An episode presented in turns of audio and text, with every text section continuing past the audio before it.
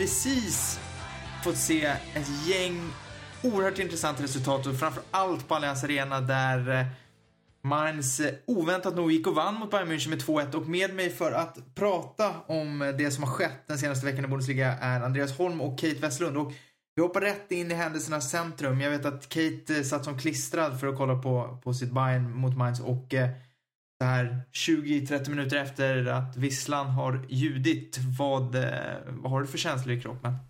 Alltså jag, jag är ganska förbannad. Ja, det är det jag har att säga. Jag, är- ja, jag är lite, jo, förvirrad också. Va, vad var det som hände riktigt? Så går vi till motpolen, Andreas som är Dortmund-supporter. Vad är dina känslor när du hör att Mainz har besegrat eh, Bayern München med 2-1 bara liksom fyra dagar inför, eller tre dagar inför den stora matchen? Eh, ja, jag är nog rätt överraskad också. Men eh, inte förbannad, absolut inte. Skulle jag inte påstå. Uh, däremot så... Skönt för dig. Däremot så är jag lite orolig att det växer något hopp här nu som inte finns kanske. Eh, vi får se. Ja, för avståndet i tabellen minskade helt plötsligt från 8 till 5 poäng. Och såklart så börjar man drömma sig bort. Man tänker att om Dortmund vinner på lördag så har vi bara två poängs skillnad eh, i avstånd. Kate, eh, man får ändå säga att Mainz gick upp i ledning och de första 45 så var de helt klart med i matchen. Det känns som att Bayern hade svårt att få igång sitt anfallsspel. Ja, hade de. De var inte riktigt med idag. Och jag vet inte vad det riktigt beror på. Det kan, de kanske har tankarna på lördagsmatchen men det borde inte spela så stor roll. Tycker man. Nej, för man ställer ju inte upp med en startelva som, som är särskilt dålig. Alltså, Nej, absolut inte. Jag vet inte vad som går fel. Nej, det, det, är, det är korta sammanbitna eh, svar. Men istället för att kanske se det som att Bayern underpresterar så kan man säga att Mainz kanske överpresterade. De, de gjorde ändå mer än, än vad man förväntade sig. Ja, men Mainz är inte ett dåligt lag heller egentligen. Ibland är de det. Men Nej, det är absolut inget dåligt lag. Eh, nej, det är de inte. Jag trodde faktiskt, jag in- information så jag tänkte att Bayern skulle vinna den här matchen men inte att det skulle bli eh, så pass enkelt som det hade kanske blivit många andra eh, veckor just utav den anledningen att de har en del eh, Champions League att tänka på och då, och även då den här eh, lördagens eh, viktiga match då får man väl inte slarva bort titeln men det kanske straffar sig lite här nu ändå. Men äh, smått, smått ja. överraskande faktiskt.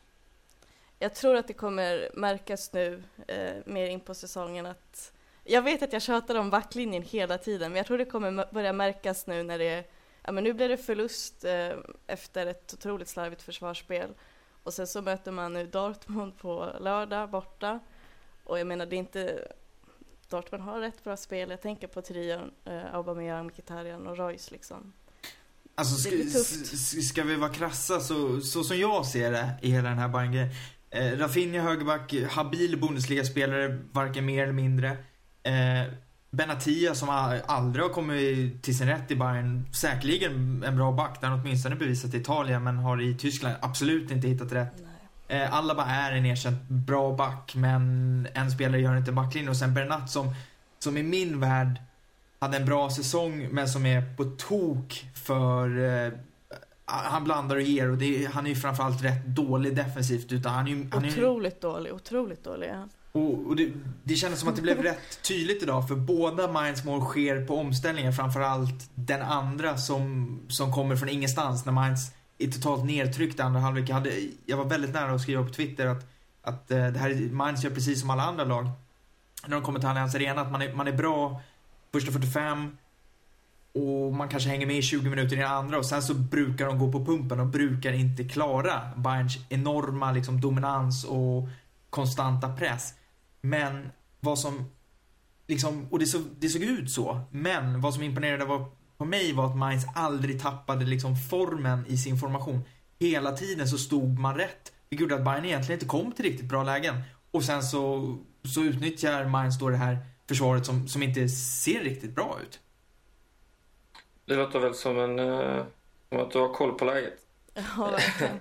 Men det jag... Um, alltså nu såg jag ju inte just den här matchen då utav eh, anledningen då att Dortmund spelade såklart. Men när man kollar på Mainz startelva den här matchen så känns det inte heller som att det är en satt eh, startelva. Det är inte så att Mainz eh, ställer ut med en, en elva de kanske eh, känner sig helt eh, eh alltså supervana vid och trygga i liksom med, med Frey och Hack och, och många andra. Eh, framförallt de två då. Eh, det känns ju som att eh, Bayern kanske inte riktigt helt enkelt var förberedda på eh, det motstånd de skulle få ikväll. Eh, nej, det, det, får man verkligen säga. Alltså det såg ut som att de, de lite gick in med den här, ja, alltså det är väl klart, har man en match på lördag, man vet att det är Dortmund, man vet att det är den viktigaste matchen på säsongen eh, och sätter till exempel Filip Lahm på läktaren så, så sänder man en, en, en viss signal också. Men eh, jag, jag var, alltså de, de Nej, jag är imponerad av Mainz. Jag kan inte säga mer. Jag vet inte om du har, har någonting att tillägga, Kate? Nej, alltså de gjorde en väldigt bra match samtidigt som Bayern spelar ganska dåligt faktiskt.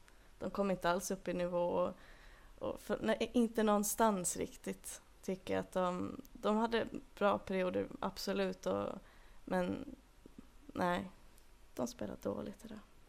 Du hade intressant fakta om Bayerns laguppställning inför matchen. Ja, eh, den enda tysken på, på, eh, i Bayerns startelva var Neuer. Och jag vet inte när det hände sist att de bara ställde upp med en tysk. Nej, det hör inte till vanligheterna, men Nej. det var en som inte var på plan, men som visserligen satt på läktaren, som vi inte har sett på länge. Olle Hörnes var tillbaka. Ja, Efter att ha suttit i fängelse. Han kom ut i måndags och satt eh, på läktaren och fick se den här förlusten som första match. Eh, välkommen tillbaka Ja. Det känns också att han är någon som bringar fram lycka direkt. Symboliskt på något sätt. Ja, lite. Nej, men om, om man ska ta det i ett större perspektiv. Eh, kommer vi få se en Olle Hörnes eh, tillbaka i Bayern München? Vad, vad tror du, Kate? Ja, det tror jag. Ehm, inte än på ett tag, men jag tror det snackades om att han skulle komma tillbaks mo- fram emot sommaren, juli, augusti har jag läst någonstans. Jag vet inte hur mycket sanning det ligger i det, men absolut kommer han komma tillbaks eh, i Bayern. Andreas? Ja, Det känns ju inte som att Bayern riktigt har släppt taget om uh, Uli och inte som att han heller har släppt taget om Bayern. Så, eh, trots allt som har hänt och, och varit och så, så jag tror att vi kan vara ganska säkra på att han i alla fall i någon form kommer vara inblandad i Bayern München i- framtiden. Man får väl ändå säga att om man kommer tillbaka två dagar efter att man har suttit i fängelse i liksom ett och ett halvt år och kommer direkt till arenan sen, så det säger väl någonting. Det Kate är inne på också är att eh, jag vet att jag läste i alla fall i Bild som diskuterade att han skulle eventuellt kunna vara tillbaka till när Bayern München åker i sommar till USA och vara med redan då som någon sorts representant för Bayern München. Eh, men klart är att han egentligen inte har tagit ett beslut. Han ska åka på semester med sin fru i juni och där väntas han då berätta för sin fru att han ska tillbaka och jobba här. Det låter konstigt om det jag vet innan hans fru faktiskt. Men, Ja. eh, ja. Det, det är i alla fall eh, så det går. Men eh, in- in- inget liksom ont om Olle, men det är ju, alltså, han, kom, han har varit borta ett tag och sådär. Har han fortfarande den där liksom personligheten? Hur mycket av det här fängelsestraffet liksom skadat hans anseende tror du, Andreas?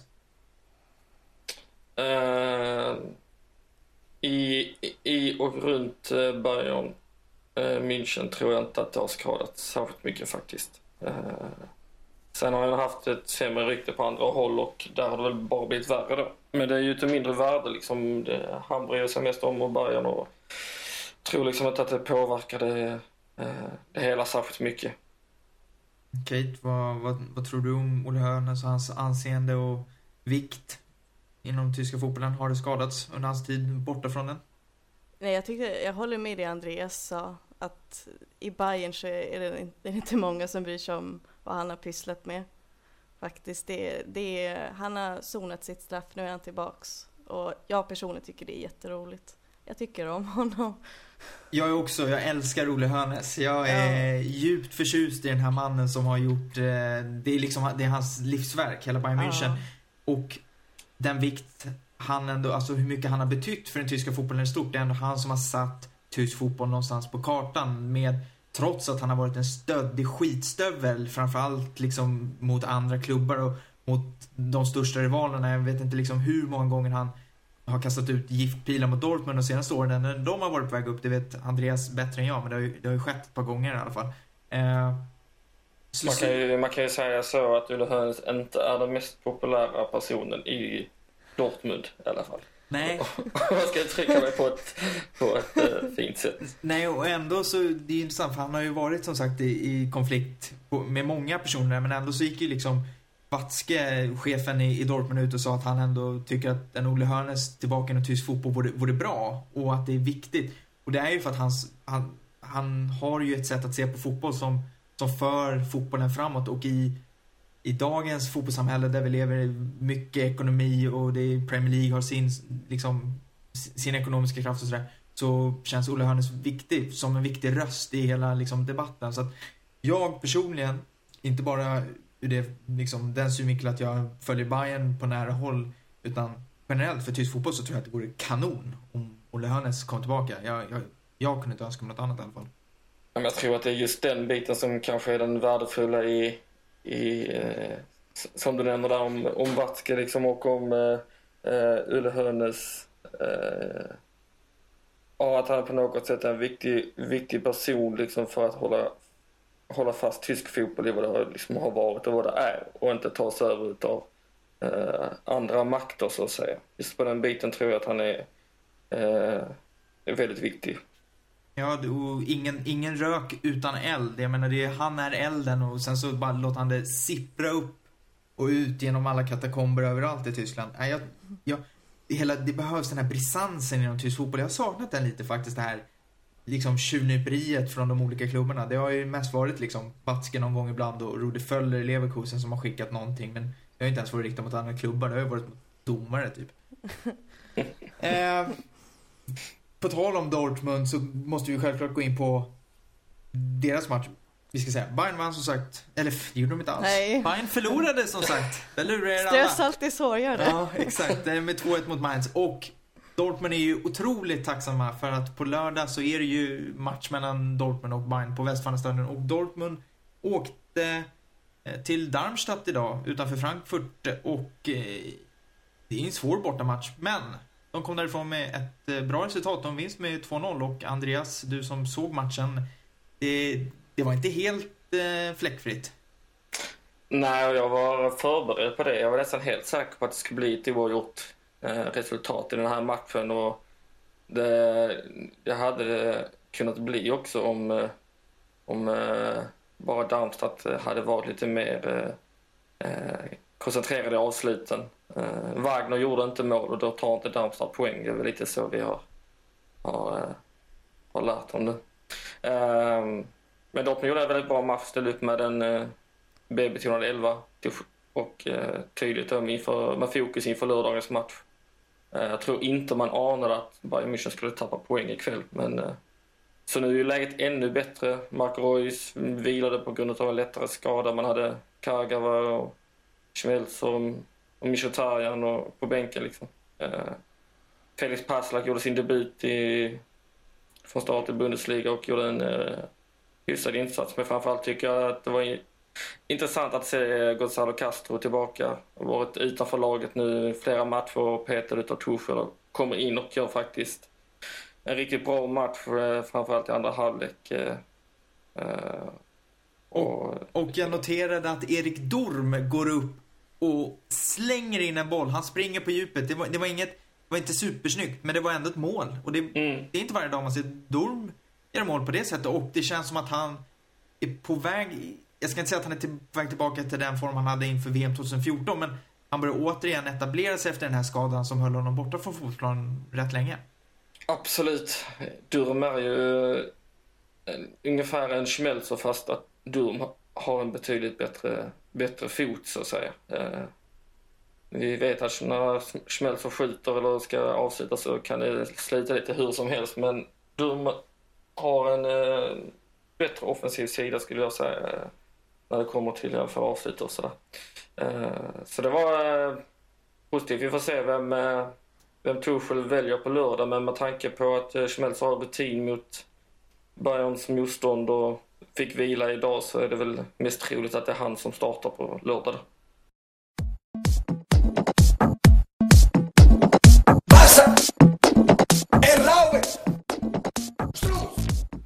Veckan så hade vi också flera matcher som har blivit ja, mer eller mindre avgörande för bottensidan. Hoffenheim har vaknat till liv. De gick och vann mot Augsburg med 2-1. Hannover som i helgen vann mot eh, Stuttgart förlorade med 4-0 i derbyt mot Wolfsburg.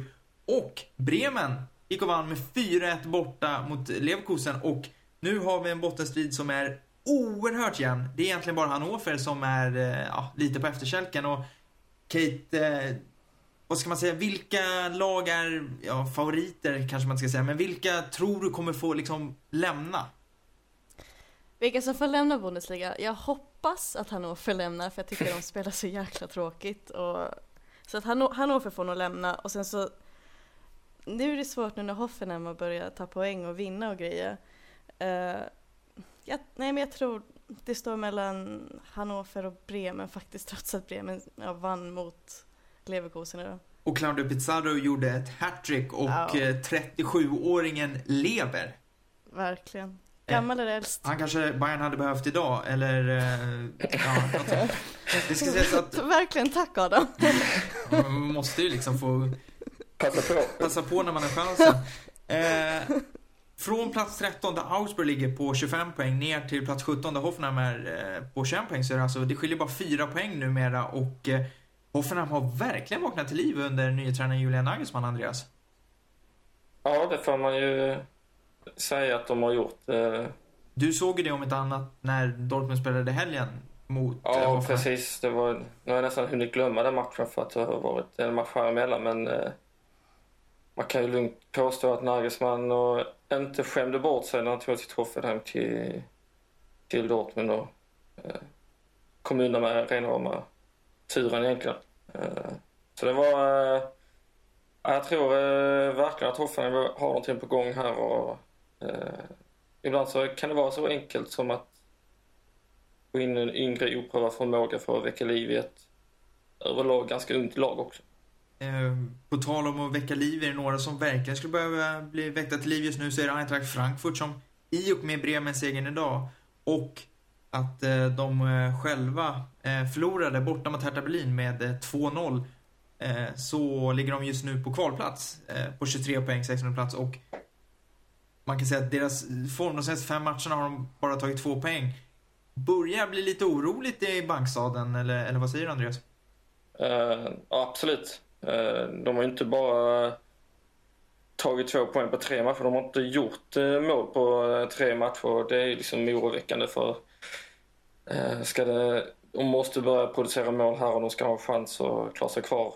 Ehm, de har väl liksom många andra lag ett tufft schema kvar men jag börjar känna att den här avsaknaden av offensiv kraft kommer att bli extremt tufft för eh, Frankfurt i, ja, år. Ja, och där ska vi ju säga att Alexander Mayer är knäskadad och är borta, jag vet inte hur länge, men han, han kommer vara borta ett tag och det är ju högst avgörande.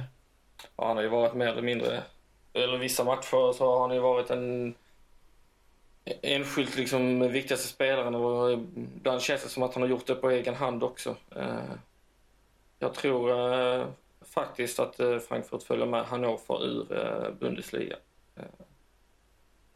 Och få göra en ny vändning nere i Schweiz. Är det, börjar det bli dags att fundera på att byta tränare i Frankfurt? Kate Armenfe har ju inte direkt rosat marknaden den här comeback-säsongen. Ja, det, det, kan, det kanske kan vara bra med, med något nytt där också. Jag, jag ser inte hur Armin Fe ska, ska kunna vända på det här. Och han har väl inte material heller till Jag menar det är offensiv kraft som, som saknas och ja, utan Majer så blir det svårt. Men sen vet jag inte vem de ska ta in heller. Som, som Nej, det är ju alltid liksom den stora gåtan. Det, det sägs att Frankfurt planerar inför nästa säsong och mycket handlar just nu om, om tränarsituationen i diverse olika klubbar i, i, i Bundesliga till sommaren. Vi vet ju alla att den Lucien Favre som lämnade Mönchengladbach i höstas kommer säkerligen finnas på flera klubbars agenda och sådär. Så att det blir högst intressant att se. Men vad vi kan säga är att vi lär återigen ställa sig för en oerhört spännande bottenstrid när, när det väl börjar vankas de sista 3-4 omgångarna. Vi nämnde då att Hertha vann med 2-0 mot Frankfurt och kliver upp på tredje plats. Nu tre poäng ner till eh, Mönchengladbach och Mainz då, som är fyra respektive femma. Hertha Berlin eh, till Champions League. Vad säger du Kate? Jag vet inte riktigt vad jag säger om det. Alltså det, det är kul för stan och det är kul för fotbollen att eh, också ja, men för Tyskland att man har ett, ett huvudstadslag som det går bra för, för det eh, har Berlin inte varit bortskämda med. Men så, så vet jag inte riktigt hur Berlin skulle, hur Hertha Berlin skulle klara sig i Champions League. Jag är lite rädd att de skulle göra bort sig alldeles för mycket. Märker du någon skillnad på, på stan i Berlin? Är det, är det ett upphaussat intresse kring Hertha nu när det går så bra? Ja, faktiskt. Jag, jag ser mer och mer med flaggor och, och, och, så runt i lokaltrafiken och, och folk som går omkring med Hertha Berlin-tröjor och, och halsduk och allt vad det är, vilket jag tycker är skitkul. Så det är lite mer upphaussat är det. Eh, Hertha Berlin till eh, Champions League, bu eller bä, Andreas? Uh, Uh, det är ett givet bä.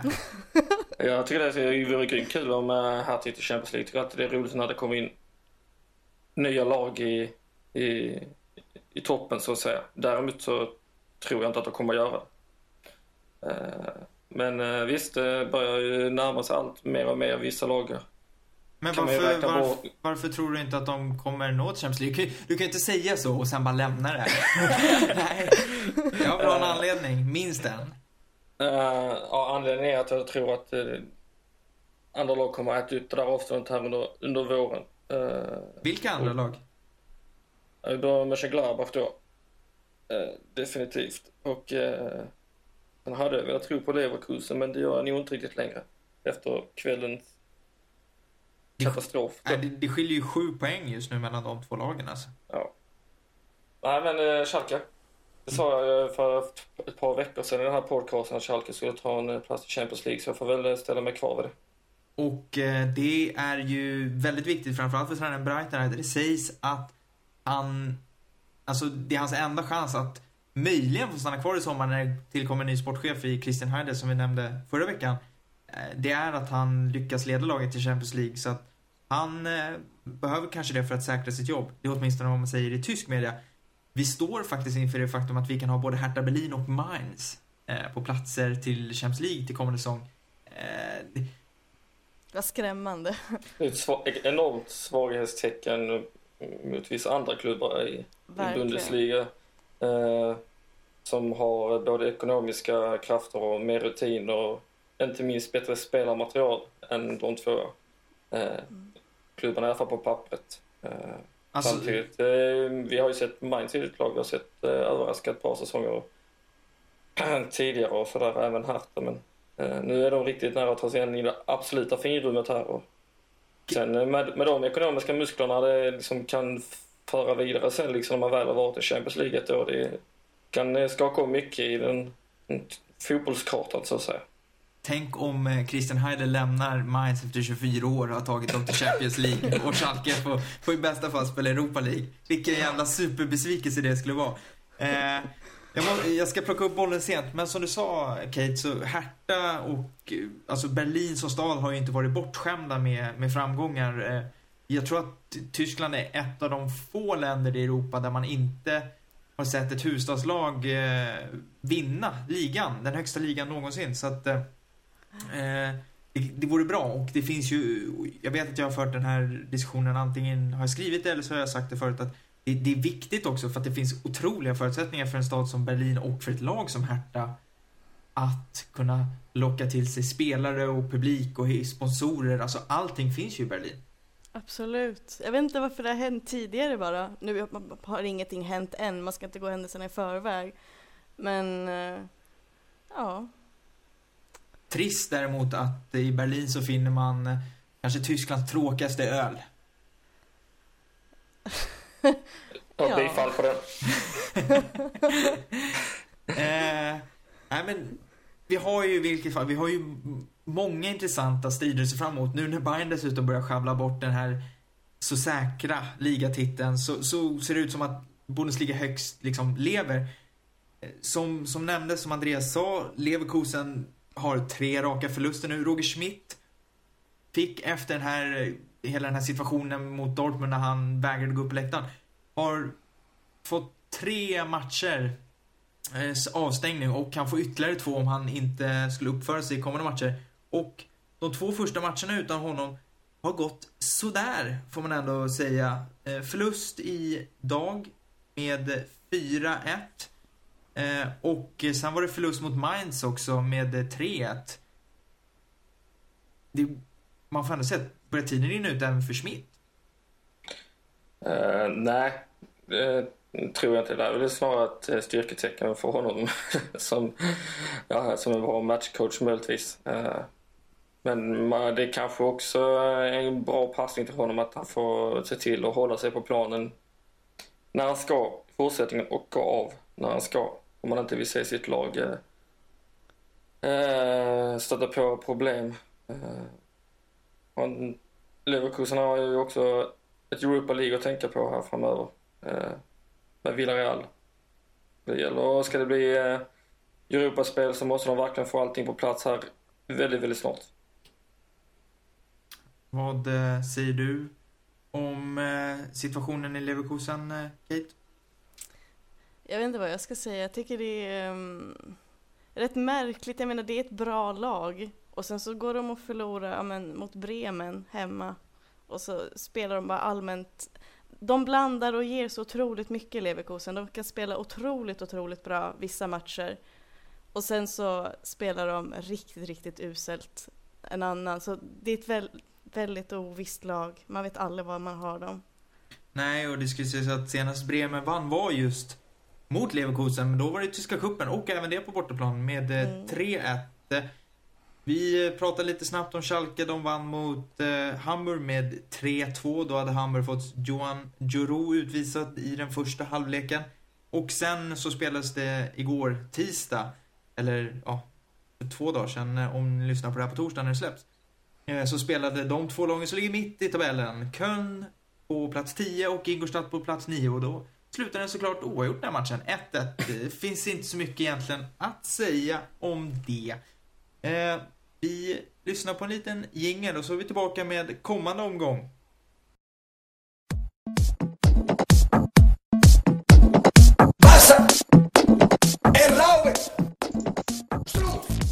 Inför den sista delen så har vi fått eh, finbesök. Erik Malmqvist har fått ordning på teknologin och han kommer direkt med information om den nyss nämnde Lucien Favre. Yes, tack då för att få komma in här och hoppa in lite sent, men så är det. Men jag har i alla fall med mig en nyhet då att eh, Lucien Favre kan vara på väg att ta över eh, eh, Schalke 04 till sommaren då gissar jag, eftersom att han enligt Sky Sports har varit eh, och träffat Christian Heidel som kommer ta över sportchefsjobbet i Schalke efter sommaren. Eller till sommaren. Och ja, Schalke, eller Favres eh, representanter har dementerat det här, men såklart att de har dementerat det. Det hade varit helt katastrof om de har sagt att ja, vi har träffat Det är dem. Och, superväntat att de Mm. dementerar. Det är lite Hamburg över det i så fall. Alltså hade jag varit Breitenreiter hade jag ju varit fly förbannad. Men det är, det är han alltid, så att det... Ja, det, det är viss, visserligen, men att innan hon ens, förmodligen har ens kommit till tal så kommer det ut liksom att eh, ja, vår framtida Heidel här har varit ute och pratat med en ny tränare som bara, ja, godnatt. Uh, känns som uh, riktigt, ja, jag vet inte. Det är säkert sant. Uh, om de dementerar det så är det förmodligen det. Erik, vad, vad tror du? Dels sanningshalten som du nämner, den är säkert rätt hög, men tror du att Lucien Favre skulle passa i Schalke? Mm, jag tror absolut att det känns som ett bra, en bra match, skulle jag säga.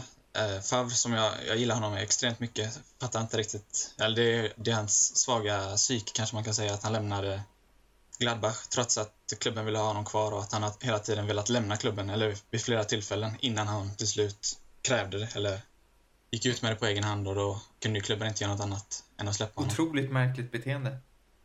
Mm, absolut, och det är väl det som är det stora frågetecknet ting- kring Favre.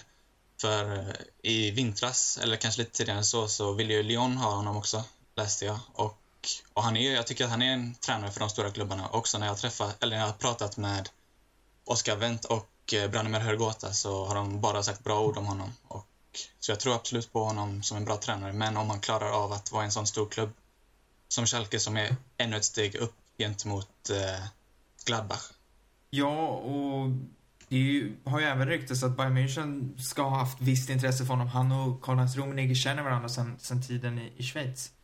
Eh, när eh, de spelade ihop i något bra gäng säkert där. Eh, vad säger du, Andreas Lucien Favre till Schalke? Eh, absolut. Eh, jag har svårt att se om det finns något lag där han egentligen inte passar in. Eh, precis som Erik är en stor fan av eh, Favre tycker jag kanske att han känns som en av de mest intelligenta eh, tränarna mm, de senaste åren i tysk fotboll. Det han gjorde i Mönchengladbach var ju extremt fantastiskt. Eh, bortsett från början på den här säsongen. Liksom. Men vilket lag har liksom inte haft en, förutom Bayern München då, det kommer kanske nu då, men vilket lag har inte haft en svacka på, på fem matcher liksom. Eh, jag eh, tror verkligen att eh, eh, Favre är ett namn för, för Schalke och jag känner väl kanske inte att det är ett så superstort hopp mellan Mönchengladbach och Schalke. Det är stort intresse kring båda klubbarna liksom. Och, eh, tror att ja, det kommer nog bli, eh, om det nu är sant så eh, absolut. Det var kul att se honom tillbaka. Kate? Jag tycker också att det skulle vara jätteroligt. Det kan bli ett litet lyft för Schalke som har ett, en bra trupp men jag, jag har lite svårt för Breitenreiter och träna, tränarsituationen i Schalke är ju som den är. Men förhoppningsvis så kanske det klaffar riktigt bra. Eh, det får man tro. Hur, hur ser rivaliteten ut mellan Mönchengladbach och Schalke? Är det, finns det någonting där eller? Kan det vara lite känsligt? Nej. Ja, det, är, alltså, det finns, finns ju känslor men det, beror på på vilken nivå man ska, ska mäta det liksom. Eh, Ja, det är ju inte, Mönchen- det är inte Bayern Dortmund-nivå eller Schalke Dortmund-nivå överhuvudtaget men... Nej, men eh, klart det finns känslor. Men jag, tror- om det, jag tror inte att det... tror knappast att det skulle bli några hard feelings om det, om det är det du är ute efter. Eh, det tror jag inte.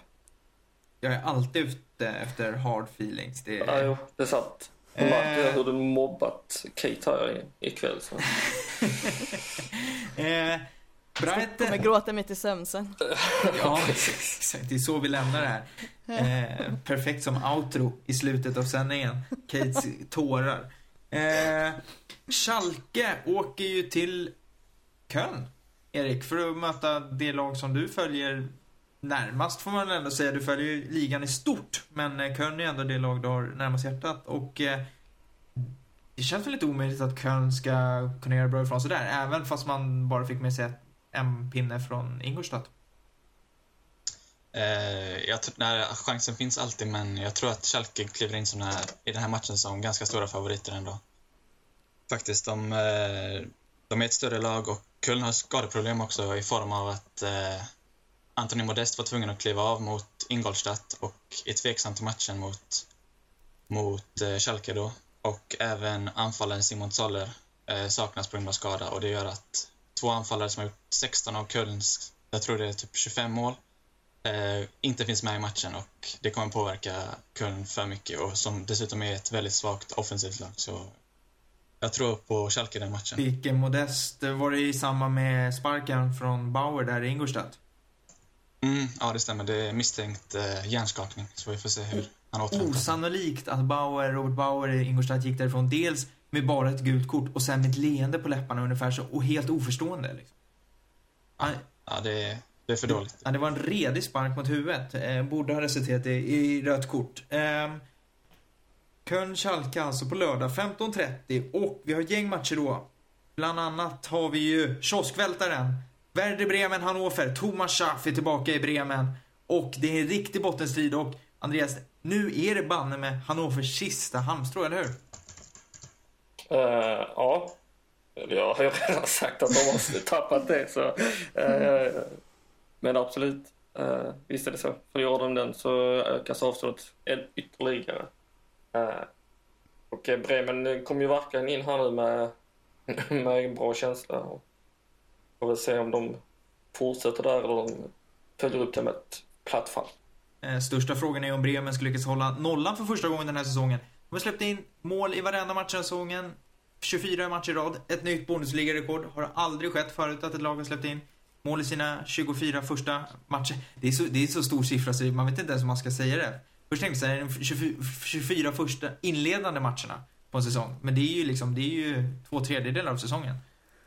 Eh, bedrövligt facit, får man ändå säga. Bremen Hannover alltså. Och vi har även eh, mötet mellan Stuttgart och eh, Hoffenheim eh, som är lite av ett derby där eh, i sydvästra Tyskland, om man säger så. Och Kate, kommer Hoffenheim att kunna störa ett Stuttgart som har tappat lite fart nu de senaste omgångarna? Jo, men det tror jag. Nu har ju Hoffenheim kommit igång samtidigt som Stuttgart har börjat fallera lite, så ja, jag tror till och med att de kan ta poäng. Kanske vinna, jag vet inte. Det blir intressant att se. Vi har även mötet mellan FC Augsburg och eh, Bayer Leverkusen och eh, Leverkusen, eh, som sagt, det går inte jättebra just nu, Erik. Vad tror du de har att hämta mot Augsburg på bortaplan? Nej, det går inte bra, men jag tror ändå att de har eh, en del att hämta här. Med tanke på att Leverkusen, de har sin kvalitet som de har i sin, sitt lag och ja, efter den kassa insatsen mot Bremen så måste de ju studsa tillbaka på något sätt och, och jag tror att de kommer göra det i det här läget. För de är fortfarande, alltså de har inte jättemycket poäng upp till Champions League-plats till exempel så de, de har ju motivation eh, så det räcker att bli över liksom. Och Augsburg, de är lite avhängda. De måste ju kämpa för att inte klara sig, för att inte hamna i den riktiga, riktiga bottenstriden. Så, så de har ju också någonting att spela för. Men jag tror Leverkusen, de, de tar det här. Det är inte publiksår ni hör i bakgrunden, det är dammsugare. Eh, Erik eh, nämnde ju lite Champions League där och det är ju faktiskt ett eh, möte mellan eh, två rätt intressanta lag som förra året tog varsin Champions League-plats. Eh, Wolfsburg tar emot Mönchengladbach hemma i ett möte som, ja, som förra året var ett absolut toppmöte och i år är väl, ja, det är väl ett bra möte. Jag skulle inte säga att det är ett absolut toppmöte, men det är ett bra möte och Andreas, eh, kommer Wolfsburg att eh, köra på nu, nu när man kommer med en 4-0-seger i ryggen mot Hannover? De kommer alldeles säkert att, eh, att köra på. Eh, Komiskt nog så kommer Mönchengladbach också med en 4-0-seger i ryggen. ja, så det är två lag som kommer köpa. Det blir ju såklart en högintressant match att, att se.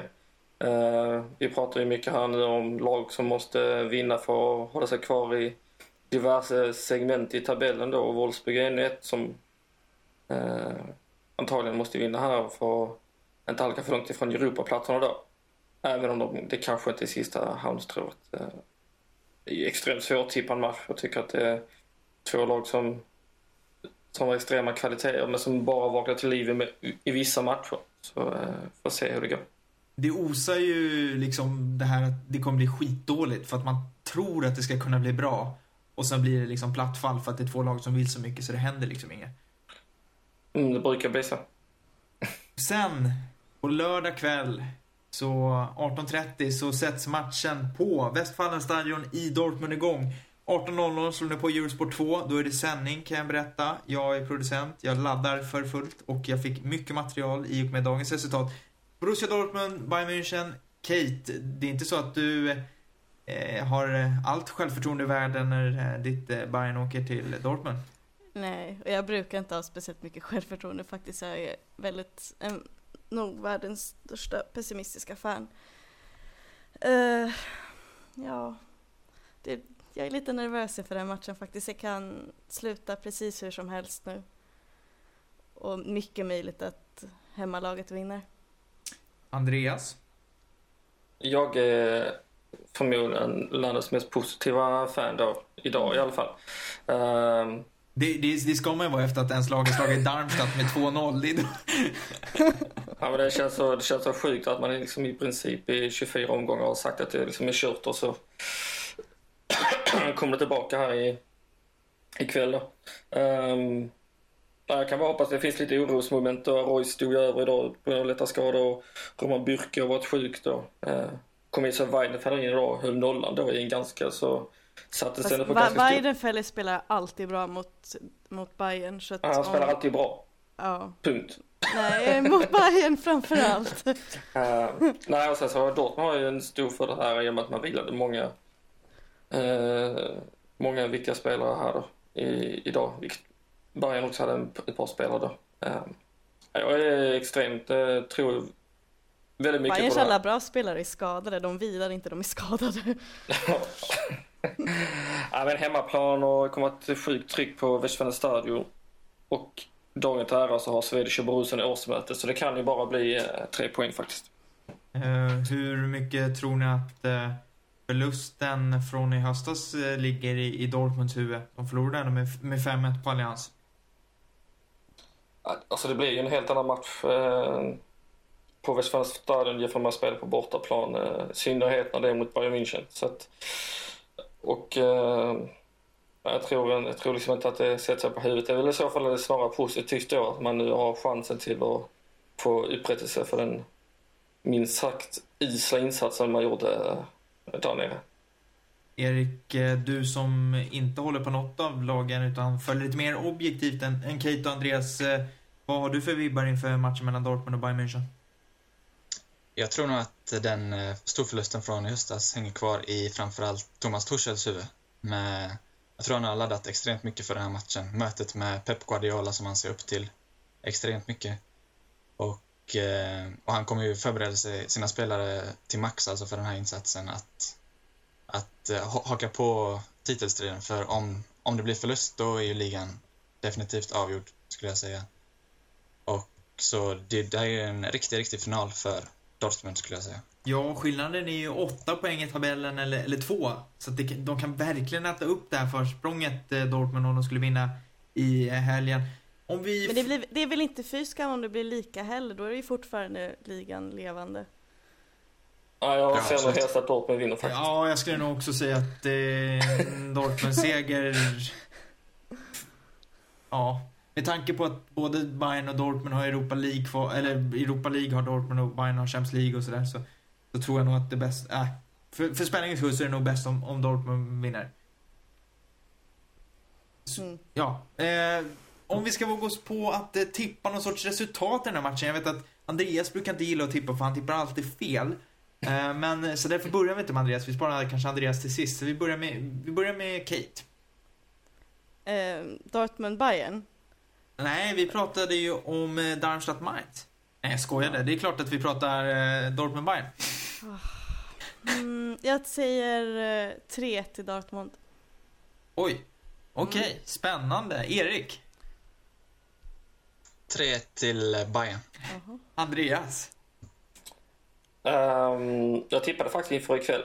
Jag hade nog ett av sju rätt, tror jag. Ehm, så jag slår till här då med ja, men, eh, 2-0 då om Weidenfeller står. 2-1 om Bürke står. Byrka har en tendens att eh, göra sina tavlor. Eh, jag eh, tippar att det slutar 2-1 till Bayern München. Och eh, Andreas ska ju fylla att det, det, det, han tror att Dortmund vinner alltså. Ja, absolut. Så att det är ingen som missförstår det. Det blir en oerhört intressant match och vi kommer ha mycket att prata om nästa vecka. För att eh, förhoppningsvis så är i alla fall tabellen inte helt avgjord vid det laget. Eh, tycker alla, förutom Kate. Precis. Som vill att den ska vara helt stendöd. Vi har även två matcher på söndag och 15.30 så är det derby. Och det är inget, eh, det är inget superderby men det är ett derby och det är det mellan Mainz och Darmstadt. Och Mainz, ja, de fortsätter ju att rulla på som vi har nämnt tidigare. Just Mainz nu, kommer förlora. Ser jag. Ja, tabellfemman Mainz kommer förlora. Darmstadt är i och för sig bra på bortaplan. Varför tror du att Mainz kommer förlora? För att de kommer drabbas av den här bayern baksmällan Ehm, eh, vad ska jag säga? Gladbach vann ju mot Bayern och förlorade de fyra matcherna efter bayern matchen Så jag tror Mainz kommer göra något liknande. Ja, vad, vad, vad säger ni om det, Andreas och Erik? Jag tror absolut eh, tror på Keita. Eh, kanske inte förlust, men jag tror definitivt att eh, eh, ja, Darmstadt tar poäng i alla fall. Eh, tippar jag då. Erik? Ja, jag tror, jag tror också att eh, Darmstadt får med sig poäng. De är ändå Bundesligas tredje bästa bortalag, så de har bevisat sig att de håller. Så jag tror... Mainz lär ju vara helt slutkörd efter ikväll, alltså, även om de vann alltså, och även om Bayern inte gjorde någon tipptopp match. Slutkörda och lär ju som inte kunna somna i natten. Eh, så stort tror jag faktiskt att det är. Eh, tror att det kan bli... Ja, det känns som att det kommer ge efter på, på söndag. Ja, det går ju ett par bärs på Mainz Hotel i natt. Det kan Jag man tror ju, det. ja, ja, och Julian Baumgartlinger, han är törstig. Han är, han, eh, och i och med att eh, Sander Wagner inte gjorde mål idag mot Dortmund så är jag rätt övertygad om att han äter mot Mainz. Jag älskar Darmstadt. Det, det, det finns ju så mycket bra med den klubben. Eh, allt från att de knappt har pengar till liksom att de spelar på en arena som liksom byggdes samma år som Titanic sjönk.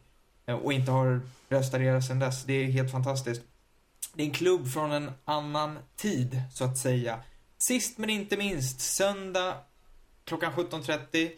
Det är de två klubbarna från norr som möter varann. Huvudstadslaget Hertha Berlin tar sig till Folkparkstadion i Hamburg och eh, vår eh, kära paneldeltagare, vad fan ska man säga liksom? Jag vet inte, vad, vad ska vi kalla det för? Poddmedlemmar? Oss? Podd... Filip Wåhlin i alla fall. Han, han lär säkert vara där. Han vill inte vara med idag. När Hamburg förlorar så då, då dök han inte upp. Eh, Fegis. men han lär säkert vara där. Men eh, det lär ju bli torsk på, på söndag. Alltså Hertha vinner ju Hamburg, eller hur Erik? Ja, utan tvekan. Jag tror också det. Jag tror stenhårt på Hertha i den matchen. Det känns som ett lag som verkligen passar... Eller eh, Hamburg passar Hertha väldigt bra, har jag en känsla av. Ja, jag, jag håller helt med. Vad, vad säger Andreas? Jag tycker det luktar eh, målsnålt och tråkigt och eh, inte så underhållande match. Eh, men jag får ju lite så här jobba in eh, min tes om att Hertha inte når Champions League med, utan någon större grund egentligen. Så därför sätter jag, min, sätter jag min peng på, på Hamburg då, i, den här, eh, i den här matchen. Kate? Jag tror det blir 0-0. Mm. Jag tror eh, personligen att det slutar 1-0 till Hertha. Eh, Vedra Debisevic måste få göra mål, känner jag. Och eh, Pierre Michel Lasogga kommer säkert bli utvisad. Jag har också en känsla av. Han eh, har väl spelat i Hertha, om jag inte minns fel. Han kommer ju därifrån. Ja, just det. Så kanske det var. Fan vad tung han ser ut alltså. Han skulle behöva gå ner ett par kilon. Men eh, Pers- Pierre Michel Lasogga kan vi ägna 45 minuter åt en, annan gång. Eh, vi börjar närma oss slutet. Eh, är det någonting som eh, vi borde ta upp innan vi tackar för oss? Och för det här lilla extra avsnittet som eh, kommer ut på torsdag istället för onsdag. Nästa vecka blir det onsdag, ska sägas. Nej, jag hade inget. Nej. Du ville att vi Nix, skulle tillägga något. Nej. Det är ingen som, ingen som hoppade på den bollen. Eh, Då Nej. säger vi bara så här att eh, Andreas, Twitter, var, eh, vilket namn hittar vi dig på? Under snabel Andy Holm. Erik? Eh, att Malmqvist understreck E. Kate? Eh, ett Westerlund Kate. Och eh, mig hittar ni på att AT Nilsson eh, på Twitter. Och vi tackar med att avsluta precis som vi började med Rot und Weiss, Mainz stadiosång. En kväll som den här så ska vi självklart hylla Mainz efter att de har besegrat Bayern München med 2-1 på Allianz Arena. Tack och adjö! sun glass. Sleep.